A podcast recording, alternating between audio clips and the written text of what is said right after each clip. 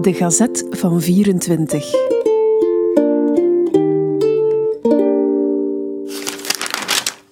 ...10 februari 1924. Ontroerende bijzonderheden worden medegedeeld...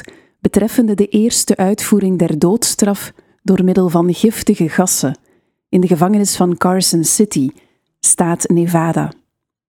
Een dertigtal ambtenaren en dagbladschrijvers waren aanwezig en konden de ter doodbrenging gadeslaan door openingen van ruiten voorzien in de noodlottige stalen kamer, die hermetisch gesloten is. De veroordeelde, de Chinees Ji John, schreed vastberaden de 40 meter brede binnenplaats over, vergezeld van drie bewakers. Zonder de minste ontroering te verraden, kwam hij de stalen kamer binnen en liet zich vastbinden op een ijzeren bed. Daarop begaven zich de drie bewakers in een belendende zaal waar het vat met blauwzuurdamp stond. Aan het vat waren drie kleppen aangebracht, ofschoon slechts één klep het giftig gas liet uitstromen.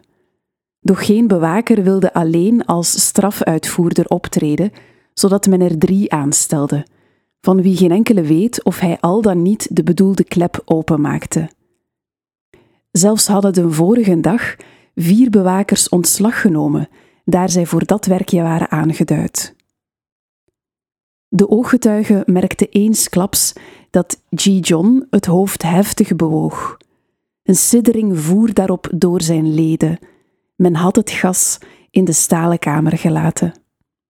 De geneesheren verklaarden dat de dood was ingetreden, doch men wachtte nog drie minuten alvorens verse lucht door de strafkamer te laten stromen.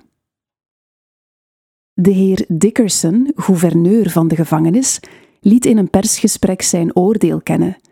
Hij zou die wijze verwerpen, daar zij te veel gevaar oplevert voor de vreemde personen. Wat een veroordeelde zelf betreft, is de nieuwe strafmethode ongetwijfeld de zachtste die ooit werd toegepast.